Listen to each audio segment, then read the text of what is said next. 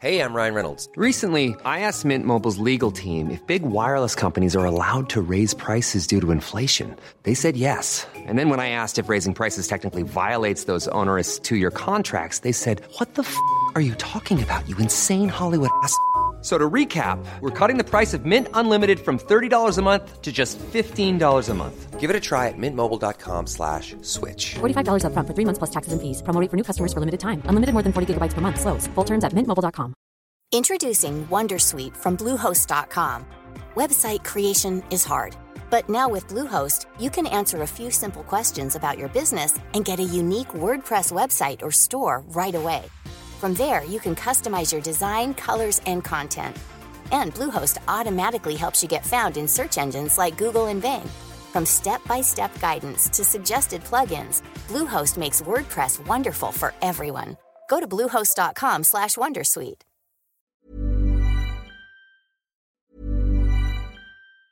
Say hello to a new era of mental health care.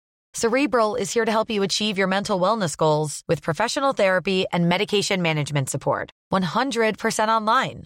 You'll experience the all new Cerebral Way, an innovative approach to mental wellness designed around you. You'll get a personalized treatment plan from a therapist, prescriber, or both in a safe and judgment free space. Your cerebral therapist or prescriber will outline a customized plan with clear milestones along the way so you can get to feeling your best. With Cerebral, you're not alone in your mental health journey. We're here to empower you to live a fulfilling life.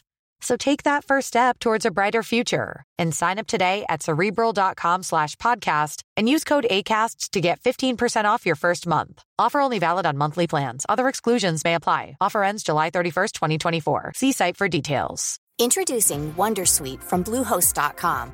Website creation is hard, but now with Bluehost, you can answer a few simple questions about your business and get a unique WordPress website or store right away. From there, you can customize your design, colors, and content. And Bluehost automatically helps you get found in search engines like Google and Bing. From step-by-step guidance to suggested plugins, Bluehost makes WordPress wonderful for everyone. Go to bluehost.com/wondersuite.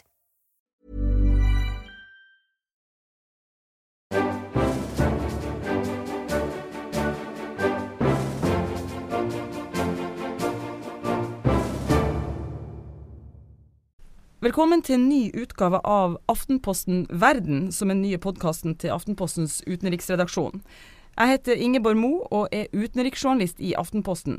Her i studio i Oslo har jeg med meg nyhetssjef Jon Hulkren, som har vært korrespondent for oss både i Midtøsten og i USA. Hei. Og jeg har med meg utenriksjournalist eh, Kjetil Hansen. Hei.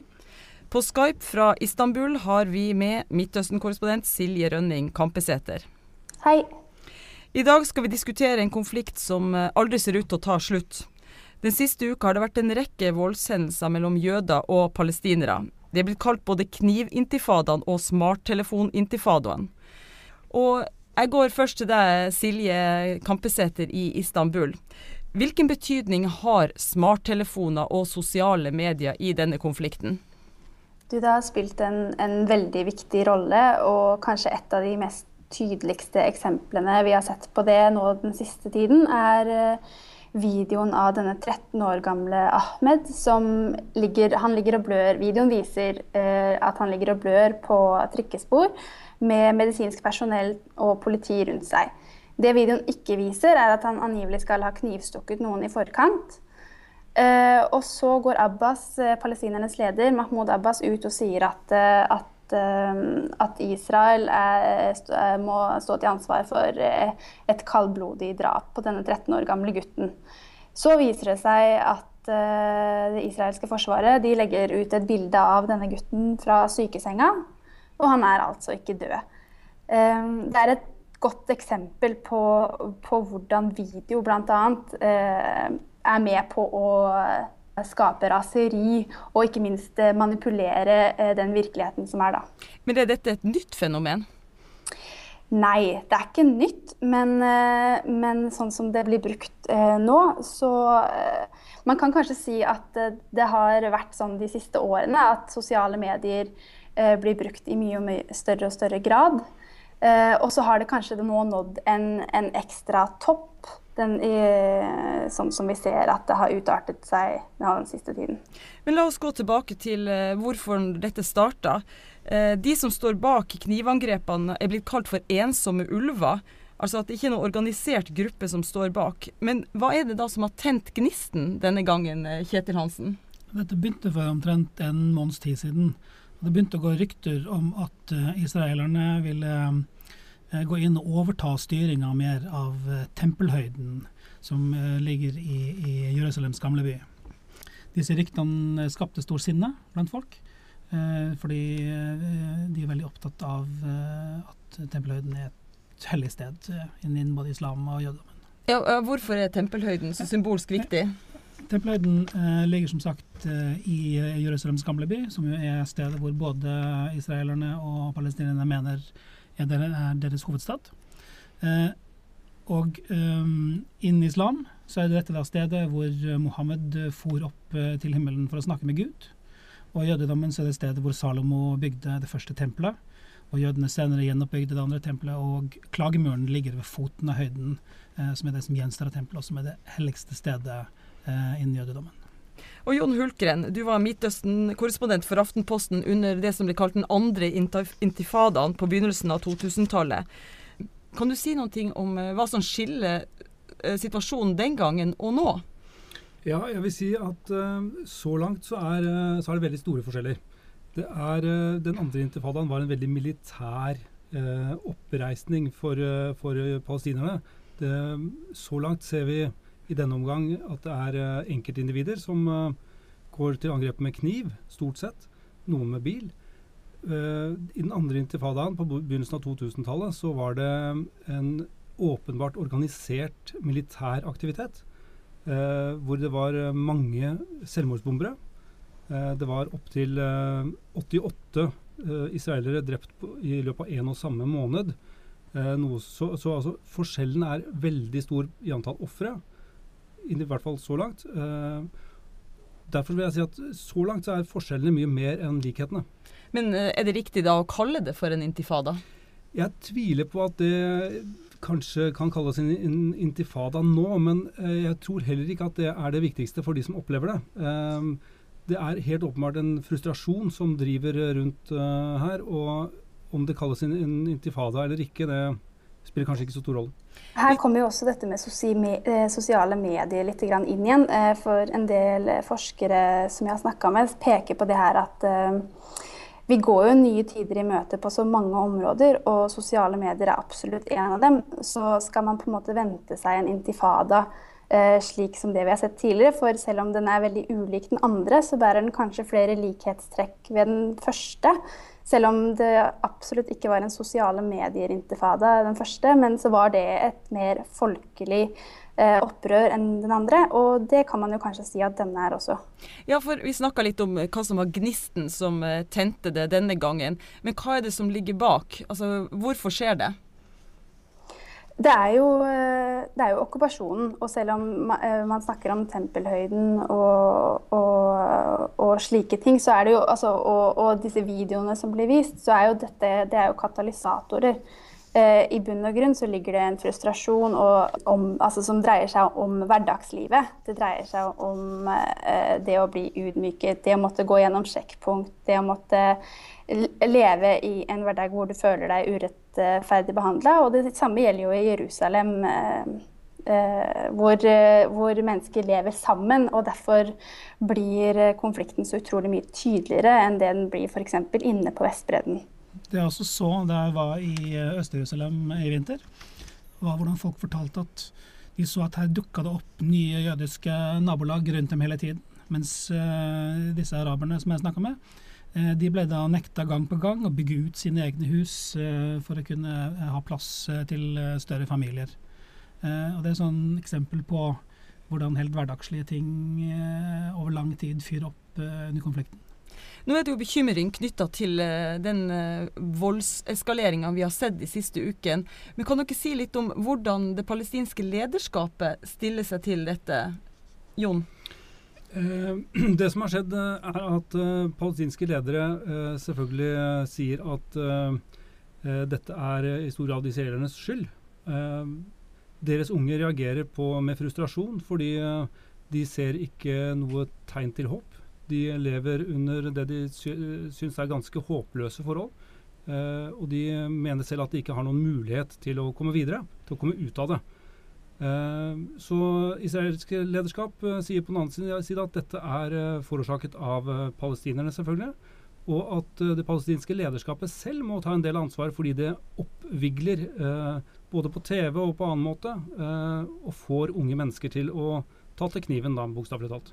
Og så er det jo viktig å huske på at Abbas begynner å bli en godt voksen mann. Han er 80 år, og, og selv om eh, han man, eh, altså, sier at eh, dette er israelske ledere sin skyld, så er det veldig mange av hans egne, kanskje tidligere støttespillere. Fordi en, en undersøkelse som nylig ble publisert, viser jo at eh, to tredjedeler eh, nå mener at han bør gå av.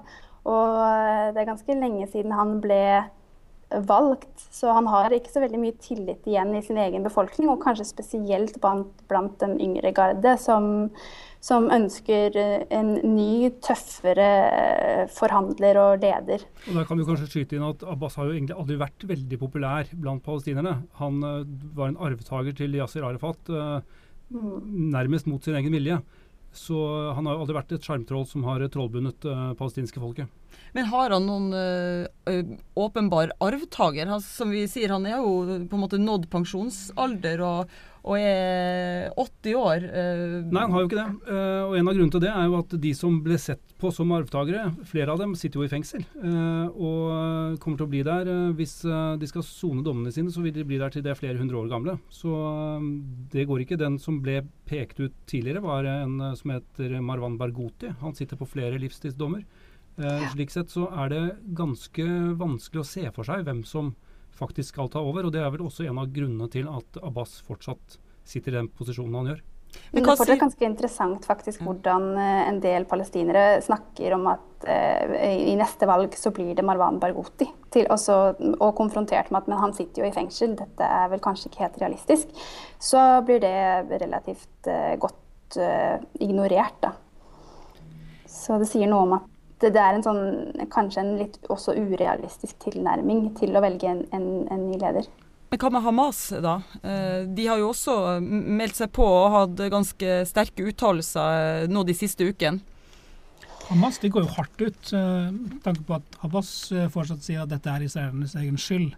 Men Hamas de går jo ut og hyller knivstikkerne som, som helter og som martyrer hvis de dør.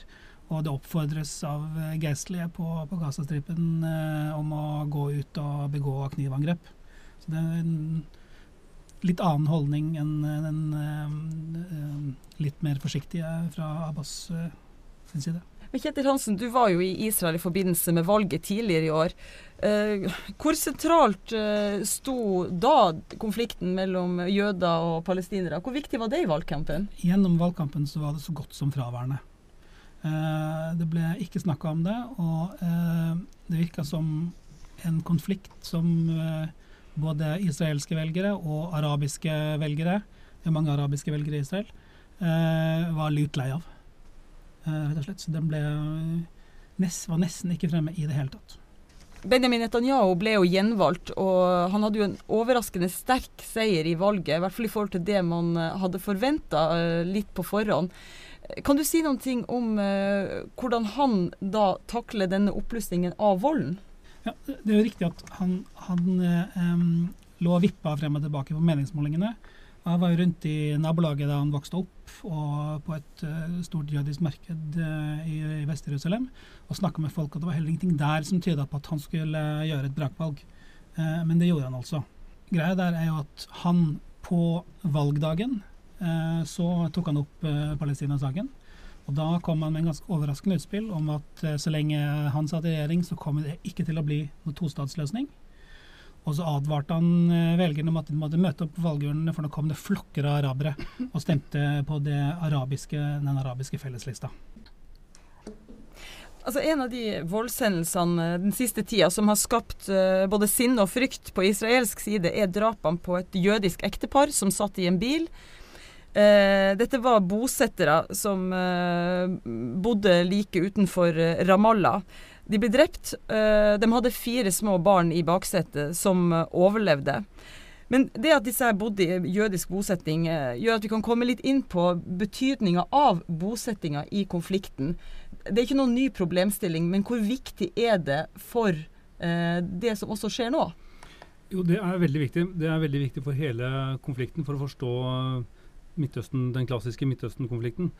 Eh, jo flere bosettere, og det, det, det, er jo slik at uh, både antall bo bosetninger og antall bosettere øker uh, betydelig.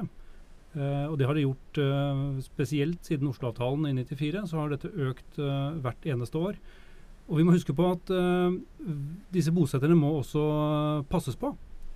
Det betyr at du får en mye større militær tilstedeværelse på Vestbredden. Og det igjen skaper en mye større frustrasjonsnivå og mye større risiko for uh, angrep uh, mot uh, både bosettere og mot palestinere, som blir angrepet igjen av mer ekstreme jøder. Og så syns jeg det er interessant, hvis jeg kan skyte inn, hva den muren som ble bygget under den andre intifadaen i 2002, har gjort med eh, forholdet mellom palestinere og israelere. For jeg har bekjente eh, i Betlehem som forteller at eh, da de var eh, unge, før muren ble bygget, så var det ikke uvanlig at de pleide å løpe opp til nærmeste bosetting og, og leke med bosetterbarna.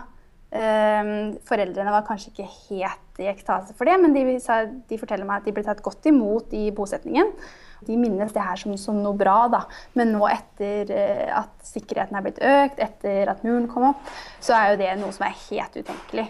Um, og det er klart at uh, det bidrar ikke akkurat til uh, en løsning på konflikten denne nye voldsopptrappinga har jo uh, også ført til reaksjoner utenfra. Og, og i Israel har det bl.a. vært diskusjon og, og, kontrovers rundt noen uttalelser fra det amerikanske utenriksdepartementet, som har advart mot at uh, det fra israelsk side blir brukt uforholdsmessig stor uh, kraft mot mot de som angriper. vi ser jo at det da igjen kommer på den internasjonale eh, arenaen. Men eh, det vi lurer på er jo selvfølgelig altså, hvilke scenarioer vi kan se for oss framover. Eh, hva er det som, eh, som, faktisk kan komme ut av eh, det som skjer nå, Jon Hulkeren? Det er selvfølgelig helt umulig å si, men det, så, så, lenge konflikten ikke er kommet lenger enn den er nå, så vil jeg jo si at det er absolutt en mulighet for at det kan rett og slett dør litt hen. Uh, at man, uh, antall angrep vil gå ned igjen. Nå har man fått opp Øst-Jerusalem har, har, har, fått masse nye kontrollsjekkpointer. folk blir lei av det. de må passere det hver eneste dag til jobb. det kan hende at det rett og slett bare reduseres. Men du kan også få en helt motsatt effekt. Og det her kommer litt an på hvilke svar Israel nå også gir. Altså Vil det bli sånn at man får en, eh, en uh, opptrapping, så vil det antageligvis være det fra begge sider. Og da kan du plutselig igjen være inne i en veldig ond sirkel. Kjetil Hansen, hvilken betydning har, det, har USA i, eh, i, i, det arbeidet som nå foregår bak kulissene? Det er som du sier, at det var en talsmann for amerikansk UD som sa at, um, forleden dag at, um, at israelerne ser ut til å ha brukt uh, overdreven makt mot uh, noen av disse gjerningsmennene. Uh, han ga ikke noen eksempler på hva det var, men uttalelsen skapte ganske stor uro i Israel. For selv om Israel og USA nå har et ganske kjølig forhold mellom uh, Obama-administrasjonen og Benjamin Netanyahu, så er USA fortsatt tross alt Israels beste venn her i verden. Um, så det er man blitt uh, litt urolig for. Nå skal jo utenriksminister John Kerry uh, til Israel for uh, å, å, snakke om den konflikten. men sånne besøk har vanligvis ikke ført til de helt store tingene før. Men som John sier her, at um, det var jo en lignende periode med denne type uro, knivstikkinger og, og, folk som kjørte på noen med bil i fjor høst. Det varte noen måneder, og så gikk det over av seg selv. så det er faktisk en mulighet, også denne gangen. Men til slutt vil jeg også spørre dere eh, Vi er jo i en situasjon der det er veldig mange andre konflikter som får oppmerksomhet, eh, både i medier og eh, blant internasjonale diplomater. Ikke minst krigen i Syria. jeg lurer på, bryr da verden seg om det som skjer i Israel og de palestinske områdene nå? Ja, det tror jeg absolutt. Merkelig nok så er det slik at uansett hvor uh, konfliktlei vi blir, eh, hvor lei vi blir av å le lese om kriger andre steder i verden, så er det noe eget ved Midtøsten-konflikten, den, den, klassiske Israel-Palestina, som gjør at vi blir interessert uansett. Jeg tror også det har noe med at det er så utrolig steile fronter. Og det ser man når man skriver om et sånt tema, og hvor mye det engasjerer leserne. Det er ingenting som som jeg har skrevet om som engasjerer mer enn akkurat den konflikten. Men det runder vi av denne ukas sending av Aftenposten Verden. Vi er selvfølgelig tilbake neste uke. I mellomtida kan du følge oss på Facebook-kontoen Aftenposten utenriks. Du kan lese på ap.no, eller du kan selvfølgelig åpne vår avis, som kommer i postkassa hver eneste dag. Kom gjerne med tilbakemeldinger på sendingen og innspill til tema vi bør ta for oss neste gang.